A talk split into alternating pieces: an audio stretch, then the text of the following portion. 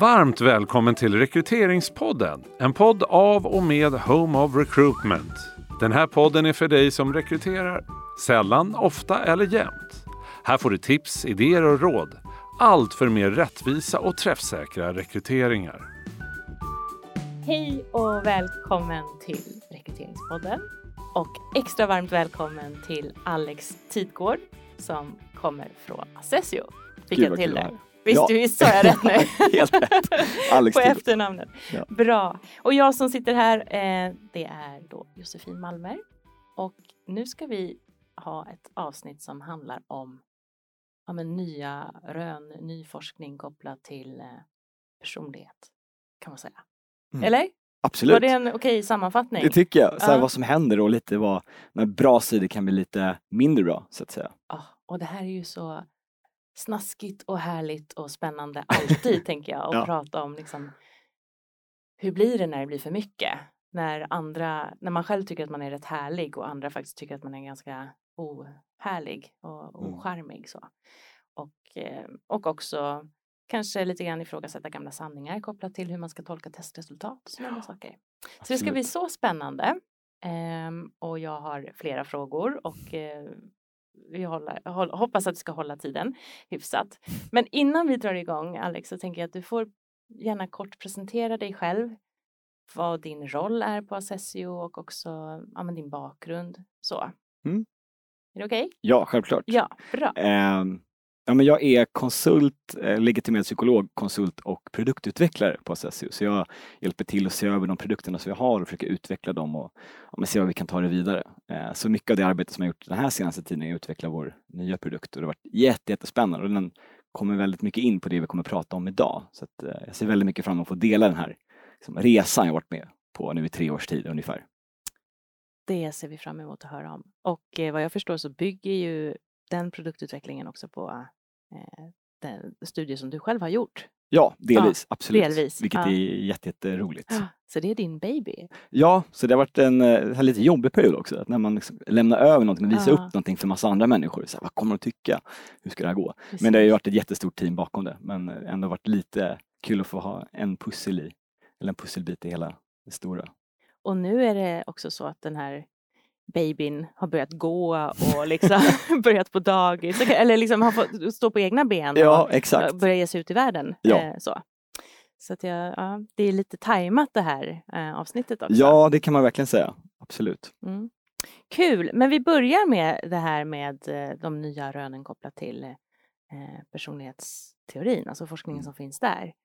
Kan du inte bara börja berätta? Det är en eh, jättemärklig inledning kanske, lite öppen så, men vad är det som man ser? Nej, men det, är, det är superspännande. Egentligen så kan man börja titta på den kliniska forskningen, alltså man tittar på hur man mäter personlighetssyndrom inom, eh, när man ska behandla personer. Så har man, så som det ser ut just nu så är det så att ja, har ett visst antal symptom, lever upp till ett visst antal kriterier, så ja, då, är du, då är du sjuk, då har du ett personlighetssyndrom. Eh, att det är väldigt kategoriskt, att det är svart eller vitt kan man säga. Eh, och den här idén har man börjat utmana lite för att den blir ju väldigt så, du har eller inte. Men du kan ju fortfarande vara en person som har en del utmaningar med sin personlighet som ställer till det i sitt liv och så. Men att det liksom inte riktigt syns i den diagnosen man får eller så. Så att i den senaste forskningen så har man sett att det kanske är mer bättre, eller det är bättre att titta på mer som ett dimensionellt perspektiv. Det vill säga att man kan ha, man har mycket på en sida men kanske mindre av någonting annat och då kan man rikta sin behandling mot specifika delar för att ja, hjälpa en person som kanske är väldigt impulsiv att så här, hur kan vi jobba med just den biten också för att bli bättre på att behandla personerna. Mm. Utan att kategorisera den som Ja, vad det nu skulle vara för diagnos Ja man men får precis. då. Eh, så dels det men också att den kategoriska modellen gör att ofta så här, om man har haft ett personligt syndrom så har man ofta också fått flera andra. Och då är det så, aha, vad, vad, men vad, är, vad ligger problematiken? Det är svårt att definiera och identifiera. Eh, så det har varit jätte- jättespännande. Och det var ju det som uppsatsen som jag skrev om handlade om, att så här, var går gränsen mellan vad som är alltså sjuk personlighet och vad som är frisk? Och det är en jättekonstig grej att säga så, men så har man ju sett det. Att så här, här har vi ett normalpersonlighetsinventorium och det ska mäta normal personlighet. Mm. Och typ som NEO eller andra femfaktorteorier som bygger på det. Eh, och här har vi de sjuka. Och det, det, är ett väldigt märkligt sätt att se på, på människan överlag, mm. för vi vet ju om att vi är mer komplexa än så. Så vi ville se om vi kunde, vi bad personer att svara på ett, vårt personlighetstest mapp och sen svara på ett kliniskt verktyg som ska mäta just de här liksom, mer dimensionella synsättet på personlighet, alltså klinisk personlighet mm. och se om de överlappar dem överhuvudtaget. För e egentligen så ska de inte göra det. Då ska det vara så att nej, de här svarar inte alls på samma sätt Precis. som de svarar här. Mm. Eh, så var det inte. Så var det inte. Så var det nej. inte.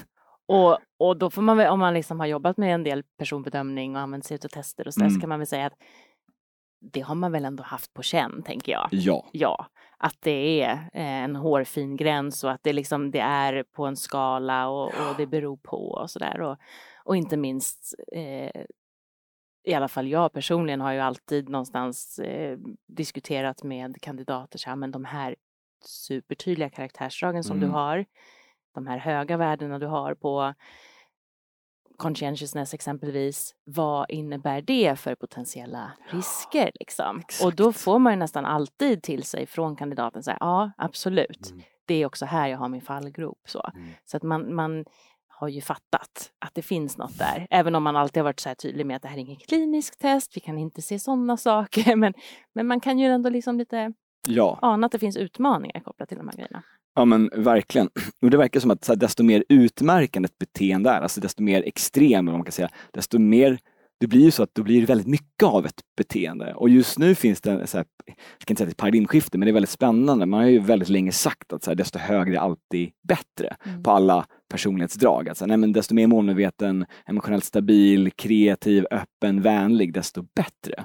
Men det är en sanning med modifikation och det finns en liksom, nu pratar man mycket om det som kallas too, good of a, too, too much of a good thing effekt. Det vill säga att så här, kan vissa beteenden, när de dras till sin extrem, faktiskt bli för mycket. Mm. Och studier visar nu att vi har, man ser så kurvlinjära samband, det vill säga att personer som är jätte jättemålmedvetna, alltså superstrukturerade, jättenoggranna och jätteambitiösa. Att framförallt i lite mer lågkomplexa jobb så får det faktiskt en negativ effekt. Det vill säga att det blir, blir för mycket, det blir för detaljorienterat, du släpper inte saker. Det här med liksom, good enough, det, det blir svårt. Mm. Och klart att det får ju en, en effekt på hur väl du utför ditt jobb.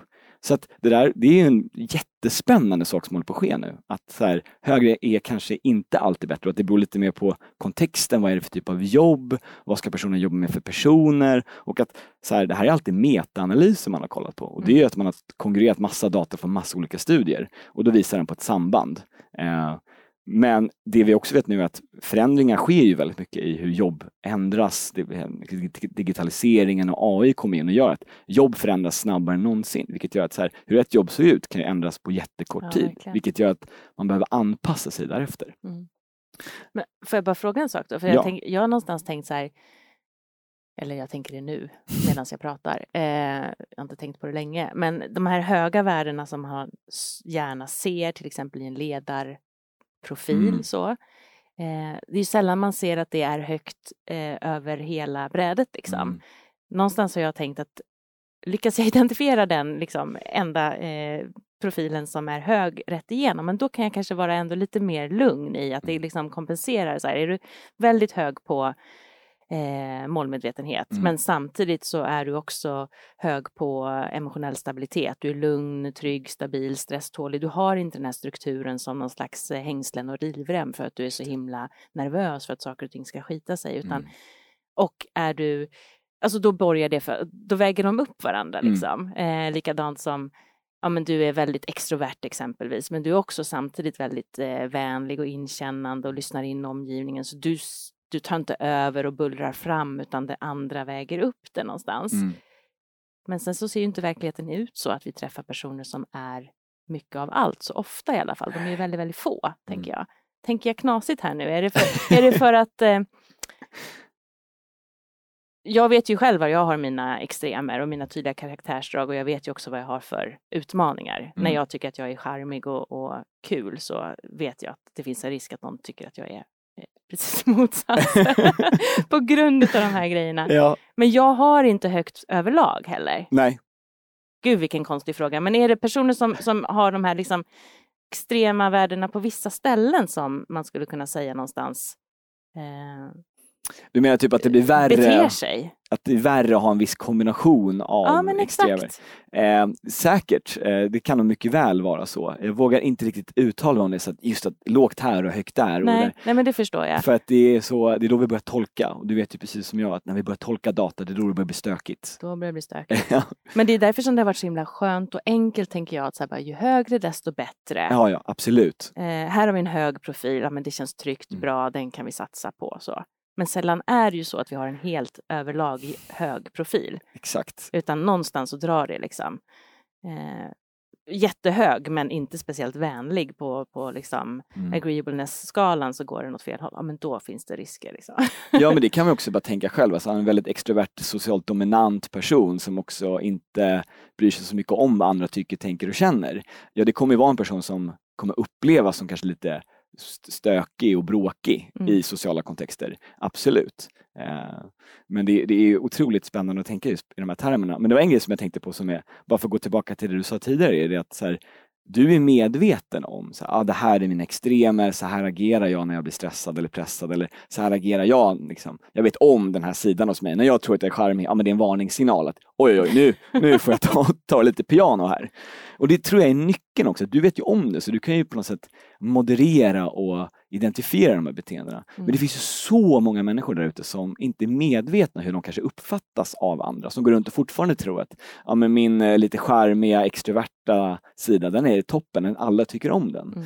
Men att det vet vi att ett, som sagt ett beteende som är väldigt mycket kan folk också bli lite irriterade på. Mm. Eh, så jag tror att mycket av det här, lite varför vi valde att bygga just den här produkten som ska försöka mäta de här sakerna, är just att öka folks självinsikt, Mm. få folk att bli bättre på att hantera sina ja, men mindre charmiga egenskaper. Och att det är nog inte den roligaste rapporten att läsa, det ska jag vara helt ärlig med. så Men, men tanken är också att försöka öppna upp ett nytt fönster och säga, ah, okej, så här kan jag uppfattas. Att, ja, men den där otroligt eh, målmedvetna, ambitiösa, drivna personen som jag har i mig kan också uppfattas som lite rigid, överambitiös, eh, liksom micromanaging och sånt där. Och att det behöver man nog kanske förstå lite för att bli medveten om att okej, men så gör jag och då, hur kan jag jobba då aktivt för att bli bättre på det? Och få chefer bli medvetna och hur jag som individ i ett bolag kan bli en bättre medarbetare.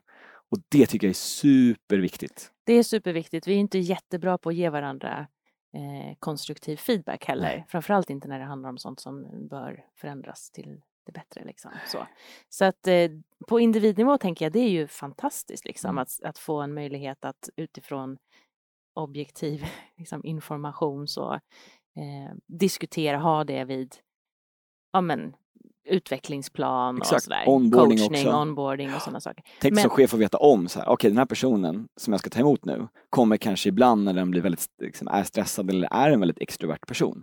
Okej, men då vet jag om det. Då kan man ju ha en dialog kring det, hur vi kan hantera det Mm. framöver. Och det är ju otroligt värdefull information. Precis. Och jag tänker också, jag vet inte om det stämmer, men jag tänker att sådana här beteenden, om jag utgår från mig själv igen, det är ju kanske vissa som får ta del av i större utsträckning än andra. Jag kanske håller ihop det gentemot, nu har jag faktiskt ingen chef just nu, det är väldigt härligt, men, men när jag hade en chef liksom, uppåt i organisationen så kanske det inte syns fullt ut lika mycket som det gör kanske ner mot i en ledarroll mot medarbetare eller mina närmsta kollegor, stackarna som får liksom stå ut med mig och hur jag beter mig när jag är stressad och så. Stämmer det? Eh, Ja, det, det, gud vad kul att du säger det. Jag lä- läste en studie på, på vägen hit. Eh, innan jag kom hit så satt jag och Vad mosade gör in man studier. en fredag morgon exakt. liksom på bussen? Ja. Tydligen så sitter man och läser en massa artiklar. Men det var ju så att så här, vi modererar, som medarbetare uppåt så modererar vi våra beteenden mycket mer. Vi dämpar oss och försöker verkligen visa våran fina sida uppåt så. Eh, för att chefen ska se vår bästa sida så att jag har möjlighet att klättra i organisationen exempelvis. Men personer som sitter på en ledande position, de har inte samma behov, de har inte samma drivkraft att behöva uppvisa sin bästa sida hela tiden och kan ibland bli lite självuppfyllda av att kunna vara chef. Så. Eh, vilket gör att de ibland då lättare eller oftare kanske hamnar i situationer där de utövar sina lite mer ja, men extrema beteenden och då får vi som är under då liksom, ta den, Mm. inte skiten, men, men man, man, vi behöver hantera det Mm. oftare. Och det, så det är ju superspännande att det är så också. Att var du är i organisationen kan också ha en viss inverkan på vad för typ av, eller hur mycket kanske du visar upp av ett visst beteende. Mm. Nu vet jag inte vilken studie det här var, men jag lyssnade på en annan podd Mm. som faktiskt också är nästan lika bra som rekryteringspodden. eh, Dumma människor som Ja, den är pratade så bra. Ja, den är så bra. Älskar. Och som pratade om, om en studie som hade visat på att bara att en person hade fått så här, helt på, eh, inga egentligen grunder så, men fått veta så att du ska få ledare över det här teamet från och med nu började bete sig på ett annat sätt. De hade tittat på hur många kakor de tog. Liksom. Det fanns ett ojämnt antal kakor. Det fanns inte så att det blev liksom en kaka var, utan det var någon som eh, skulle kunna bli utan. Mm. Och de här som hade blivit eh, utnämnda då till ledare på inga grunder alls, de tog för sig på ett helt annat sätt än de som inte hade blivit det. Men du ser ju, det är ju så spännande. Ja. Bara att genom en titel, helt Ja. plötsligt så börjar man bete sig annorlunda. Ja. Vi är otroligt fascinerande varelser som springer runt och tror att vi vet saker. Men får jag då också, när man rekryterar och Ja. använder testverktyg Mm. så förordar ju vi eh, på Home of Recruitment att man lägger testerna så tidigt som möjligt i processen. Mm. För att det är där vi har validiteten med oss och eh, det är det som hjälper oss att identifiera guldkorn där vi inte annars hade letat och ja, men vi öppnar upp för en större mångfald och det finns så otroligt mycket fördelar, Verkligen. kandidatupplevelse och så vidare. Håller helt med. Och då tänker jag att det blir lite jobbigt när du säger att eh, det är inte ju högre desto bättre som gäller. Hur ska vi då sätta upp våra screeningprofiler? Ja, alltså som sagt, det är också en sanning med modifikation. För som sagt, mycket av metaanalysen tyder fortfarande på att så här, det är bra generellt sett att ha högt på målmedvetenhet och att det är generellt sett bra att ha högt på ja, med emotionell stabilitet. Eh, det är väl bara det att vi behöver också vara medvetna om vad det kommer med för baksida. Att så här, vi, när vi sätter en kravprofil, att vi är medvetna att letar vi efter någon som är väldigt lugn och trygg och liksom så, så kan det också bli så att letar vi för personer som har väldigt, väldigt, väldigt mycket av den egenskapen som vi eftersöker så kommer det också komma med att man kanske upplevs som lite känslomässigt oberörd. Mm. Eh, kanske att feedback rinner av som vatten på en gås. Mm. Eh, kanske lite överdrivet självsäker och överdrivet högt självförtroende. Eh, så jag tror att det här, liksom, vi bara behöver bli bättre på att tänka så här, men vad, vad är vi ute efter och lite så här, hur mycket av det är vi ute efter? Eh, jag, tycker att, jag tycker att det är spännande att tänka på, alltså, det är ändå spännande att vi har ett ord i svenska som heter lagom. Eh, för det verkar som att det är något som vi eftersträvar. Så här, man ska ha lagom mycket. Mm. Och det finns massa så här, ordspråk också som går tillbaka flera tusen år som säger, ja, men vi har två här som har ett kinesiskt som säger too much can be worse than too little och everything in moderation, nothing in excess. Mm. Och jag tycker att det är spännande att så här gamla, gamla ordspråk verkar komma tillbaka. Och vi märker av det nu också. Så att, ja, det är jättebra att vara emotionellt lugn, stabil, trygg och inte bli så stressad. Men blir det för mycket, ja, då blir det kanske någonting som vi inte egentligen Mm. vill ha. Mm. Eh, men om vi är medvetna om det så kan vi rikta kravprofilen därefter.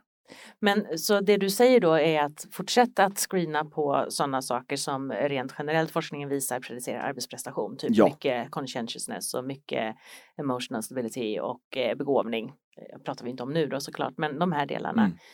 Men sen på individnivå tänker jag mig i alla fall när man jobbar med rekrytering att det blir extra viktigt att man faktiskt ber om konkreta exempel på beteenden man har hanterat Exakt. eh, en tid tillbaka eftersom det också predicerar hur du faktiskt agerar och då Absolut. kanske man ska be om sådana här alltså vara lite tuffare i sin intervju och faktiskt eh, fråga när de här sakerna har Eh, varit eh, ja, men, eh, där, de här sakerna har överanvänts. Så. Exakt, det blir en jättebra idé tänker jag också. Och att så här, om vi tänker att vi fortfarande gör precis som vi alltid tänkt, testa tidigt, kör kompetensbaserad intervju, sen har vi ett sluturval. Och sen så de personerna som har gått igenom alla nyckelhål så har vi tre personer som vi ska välja mellan. Eh, Ja men då kan man gå in och titta på lite, så här, men vad, vad har de för urspårningstendenser? Vad, vad kan vi hantera på organisationen? Nej men det, det här är lugnt, vi kan hantera det här, eller det här kanske är en större utmaning för oss för att vi är i en förändringsresa. Mm. Det är svårt om personen blir alldeles för rigid eller alldeles för detaljfokuserad. Så att man kan ju tänka lite så här, vad är det för kontext personen ska in i och vad för typ av utmaningar har vi som organisation? Mm. Och att så på de slutkandidaterna kunna välja lite mer på de typen av informationskällor också. Jättebra. Men också då en fråga, eh, lite så här validitet, Mm. lite, lite nördigt nu kanske då. Ja, men, men det är härligt. Eh, har man erfarenhet av att använda något annat eh, verktyg Mm. för att titta på, det är ju inte på samma sätt nu vad jag förstår, utan de bygger ju snarare på den forskningen som, har, som har, finns kring klinisk eh, Ja, liksom, testning, typ HDS. Mm, precis, DSM eh, kategorisk modell, ja. Ja. Precis. Eh, så har i alla fall jag någonstans lärt mig att men, det här kräver ju det här är ju ingenting vi fattar ett beslut på. Det här är inget beslutsunderlag. Liksom. Den informationen som kommer i HDS-rapporten, det är ingenting man bara rätt, alltså så här, oj, för fel HDS, den personen kan vi inte gå vidare med. Nej, det är ju Development Survey som den heter. Exakt. Exakt. Ehm, jag tänker utifrån det du beskriver nu, är det på samma sätt då eller? Men tanken är verkligen att, så här, som vi, om vi går tillbaka till det vi pratade om tidigare, så att det är självinsikten som gör att vi kan moderera och påverka våra beteenden och våra mindre charmiga beteenden. Så att tanken mycket med den här rapporten är ju också så här, ja men få självinsikt, så, ah, shit, är det så här jag uppfattas? Mm. Okej, okay. och sen tips på så här, hur man kan jobba med det. Så att mycket är ju egentligen att försöka hjälpa folk att utvecklas och må bättre. Men samtidigt en grej som så här, eh, man också ska tänka på är ju att vi är notoriskt dåliga på att välja ut eh, bra chefer. Eh, vi, liksom, det, nu vet jag också om att här, vi slutar inte på grund av jobbet, vi slutar på grund av vår närmsta chef. Så mm. bevisen så är det ju väldigt chefen mm. påverkar hur vi mår på jobbet väldigt, väldigt mycket. Och att vi har en tendens att välja ut chefer som är karismatiska, som har väldigt högt självförtroende, som uppvisar en del narcissistiska beteenden. Eh, och de liksom klättrar i hierarkin väldigt, väldigt bra. Problemet är att eh, det är skillnad mellan att vara självsäker och att vara kompetent. Mm. Och risken är då att vi väljer de här personerna i intervjun som charmar en och som är karismatisk och härlig. Man bara, gud vilken bra kandidat, 10 av 10, toppen. Och även då när man har en kompetensbaserad intervju där man så här, verkligen går på beteenden så är det, det är så lätt att bli charmad av de här personerna. Eh, men det är kanske de som också är minst lämpade att bli chefer. Eh, och då kan ju sådana här ja, verktyg som mäter vilka urspårnings eller riskbeteenden man kanske har också uppmärksamma. Så här, här har vi en person som är väldigt självgod, väldigt självsäker.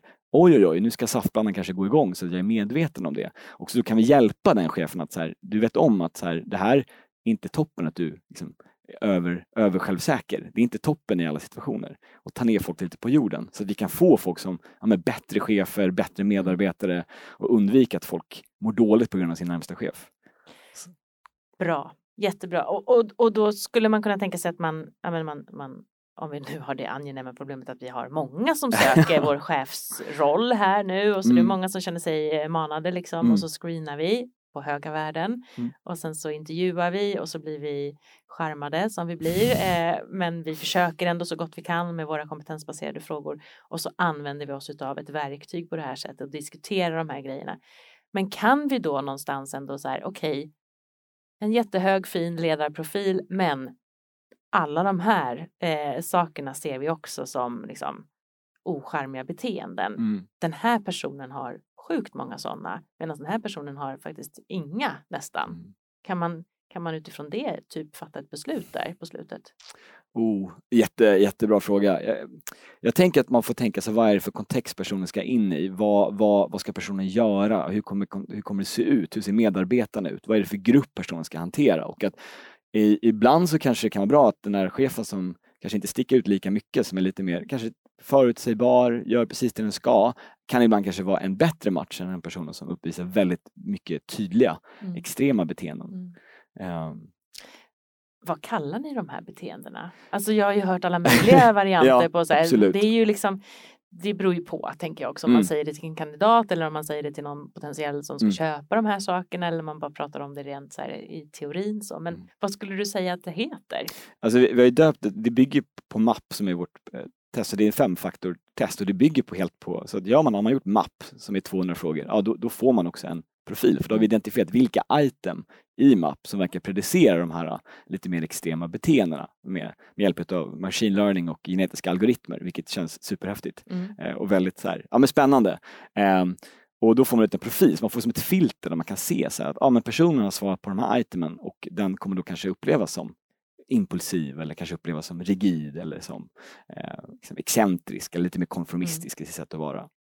Eh, så att det är egentligen det är femfaktorn och så, så har vi dikotoma skalor så att beroende på vart du är, vilken dragning du har så får du det ena eller andra. Så att ja, men, som målmedvetenhet då är det antingen rigid eller så är man lite mer eh, liksom, impulsiv. Så mm. där är mm. två emot varandra. Slarvig. Ja, precis. Exakt. Men eh, ni kallar det inte för så här ocharmiga beteenden eller eh, urspårningsbeteenden eller destruktiva? Eller... Jag, jag, vi har haft en lång diskussion om vad vi ska ja, kalla det. För vi, X.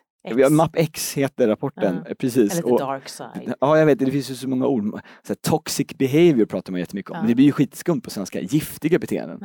Ja, jag vet inte, vi, vi leker med tanken fortfarande, men nu pratar vi lite mer om typ så här, om en beteenden som är skadliga för organisationen, alltså skulle kunna vara mindre bra eller liksom, ja. eh, Det är ingen bra hisspitch men eh, alltså det tar lång tid att säga. Men, ja, jag... vet, men den kommer ju komma och det är ju superhäftigt. Komma. Det är ju fortfarande som du säger, barnet har precis börjat krypa. Ja, ja. Um, men det är kul att få se det användas. Ja, vad häftigt. Ja, verkligen. Och det här är ju liksom, det är ju grädden på moset för oss som jobbar med personbedömning. ja, Så. det ska ju ge en ny, ja, men ny källa för information för att kunna fatta ännu mer informerade beslut som är baserade på data. Så, Ja. att vi, ja, men så att vi inte börjar tolka, så att vi inte sitter där så, ja, men den har lite högt på balans eller vi kanske inte borde ta in den. Mm. Eh, Var försiktig med sådana typer av liksom, slutsatser, Mm. utan mer tänk vad är vi ute efter och så här, som du pratar om väldigt mycket, så här, gå tillbaka till vad är det, vad har kravprofilen, vad är det vi letar efter? Mm. Och där ska vi fokusera hela rekryteringen mot också. Mm. Det här ska hjälpa dig att dels, men jag tänker också mycket så att ja, men fatta beslut men också ta det vidare sen så att nu har personen börjat på jobbet. Här, chefen, Precis. här är liksom information om hur du kan uppfattas. Nu jobbar vi med de bitarna. Du frågade ju här innan vi gick in i den här lilla poddstudion om, om jag inte ville veta. Jag har ju fyllt i mapp liksom så nu Ja. finns det en möjlighet att bara lägga på det här filtret och se hur det Precis. ser ut. I don't know. Alltså hur, hur känns den här rapporten när man får den? Nej men vi har verkligen försökt fokusera på att den ska vara så himla kandidatvänlig som möjligt. Alltså såklart att den inte är, det är inte den roligaste rapporten man läser, såklart. För man ska ändå bli medveten om hur man kan uppfattas. Men vi har alltid fokuserat väldigt mycket på så här, om the plus side, så här, det positiva med att Mm. vara. För att så här, extrema beteenden är ju också väldigt, väldigt bra. Alltså, jag menar, det är framgångsrika beteenden. Vara driven, ambitiös, det är ju toppen. Eller vara en person som tänker utanför lådan och liksom har excentriska idéer. Det leder ju till framgång, det leder ju till alla de här spännande sakerna. Det är bara att i vissa kontexter, i vissa situationer, så funkar det inte lika bra. Mm. Men att vara medveten om att med mina styrkor som jag har, som jag är stolt över och som man borde vara stolt över, så kommer också bara en baksida. Mm. Och att fokusera mycket på, nej men när det här dyker upp, gör så här. Eller tänk på det här, som ledare kommer du kanske uppfatta så här. Tänk på att bete dig så här då. Så att den ska ge så mycket tips på att öka självinsikten som möjligt. Så att det ska inte vara ett slag på näsan och snarare så här, gud vad bra, vad, vad skönt det känns att jag har fått verktyg för att kunna jobba vidare. Eh, det tycker jag är jätte, jätteviktigt att ja, men kan-upplevelsen också är, känns bra. Mm. Såklart, herregud. Jag ska givetvis titta på den. det är klart att jag ska göra det. Kanske inte idag när det är fredag och jag ska gå på fest och sådär och, och, Nej, och vara sådär härlig eh, som jag tycker att jag är då. Utan jag läser den kanske nästa vecka. Bra! Alex, är det någonting nu som du känner så här, men det här skulle jag vilja lyfta i sammanhanget som vi inte har tagit upp nu? Ja, det är en grej jag verkligen, verkligen, verkligen vill lyfta och Mm. det kopplar an lite till just det här med hur extrema beteenden kan bli negativt. Vi pratade lite om hur när vi väljer ledare så går vi kanske på egenskaper som egentligen kanske inte är de som predicerar bäst ledarskap och att vi måste verkligen bli bättre på att titta på saker som faktiskt är vad, vad, som, vad är bra ledarskap? Det är, är kanske inte de här charmiga, karismatiska personerna utan det kanske är personer som är väldigt coachningsbara, som verkligen så här, tar emot feedback och bygger på sig själva. Eh, det är personer som är ödmjuka, som liksom har möjlighet att de skryter inte utan de liksom säger, ja men jag är ödmjuk inför uppgiften jag fått och sådär. Eh, och att det är personer som eh, också har hög integritet. Säga att så här, de gör sitt jobb, de gör ett väldigt bra jobb även fast ingen ser dem. Mm. Och jag tror att vi behöver lyfta de typen av beteenden som att det är det som är golden standard för ledarskap. Och inte bli skärmande av de här Boris Johnson, Donald Trump personligheterna som vi så nu sett verkligen verkar vara jätteframgångsrika. Mm. Och vi måste börja tänka om, om vad vi, vad, vilka personer vi lyfter. För att bevisen så är vi väldigt duktiga på att ja, men rekrytera inkompetenta personer. Mm. För att de uppvisar högt självförtroende som vi då skrivit lika med. Ja men då är den kompetent. När den säger att den kan göra det, ja men då, då gör den det. Mm. Och tyvärr är inte det sanningen. Men om vi då kan använda oss av, ja, men som du är inne på, så här, strukturerad data, vi samlar in information på personlighetstest, begåvningstest. Vi gör en kompetensbaserad intervju som är verkligen så vad har du gjort? Den bästa predikten för framtida beteenden är ju tidigare beteenden. Så, och försöka identifiera de sakerna. Och personer som uppvisar de här mer liksom, ödmjuka sidorna är kanske personer som vi istället skulle vilja lyfta upp i organisationen. Eh, För risken är att annars får vi väldigt mycket kaxiga, arroganta Donald Trump. eh, Donald Trump-personligheter. ja.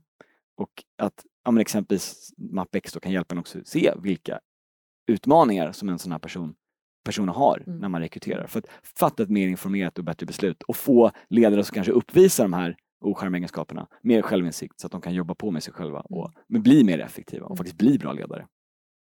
Det blev ju väldigt bra avslutning tänker jag. Och för det är ju också precis allt vad vi jobbar för någonstans. Eh, struktur i varje del, Exakt. så objektivt det går. Det är omöjligt att ha en fördomsfri rekrytering så Mm. länge som vi sitter och håller intervjuer eller är involverade i olika moment. Så, så vi behöver alla verktyg vi kan få och vi behöver också, nu får jag säga det också, vi behöver också utbilda alla involverade i varför och hur svårt det är och hur subjektiva vi är så att vi håller liksom det kommer inte, det är inget botemedel men det, det hjälper oss. Verkligen. Att vi är medvetna om det. Men det är det jag tänker att allting handlar om, så medvetenheten om mina egna utmaningar. Mm.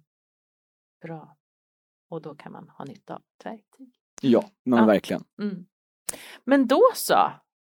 Nu då? Känns det som att eh, vi fick med det mesta? Ja, jag tror det. Ja, Det vi är kanske min- får anledning att ses igen. Absolut. Det Va? är min poddebut så jag känner att jag kanske får Du mer gjorde smak. det bra tycker jag. Tack. Stort tack för att du kom. Tack så jättemycket. Superkul att vara här. Jättekul att ha dig här. Då säger vi hej då. då.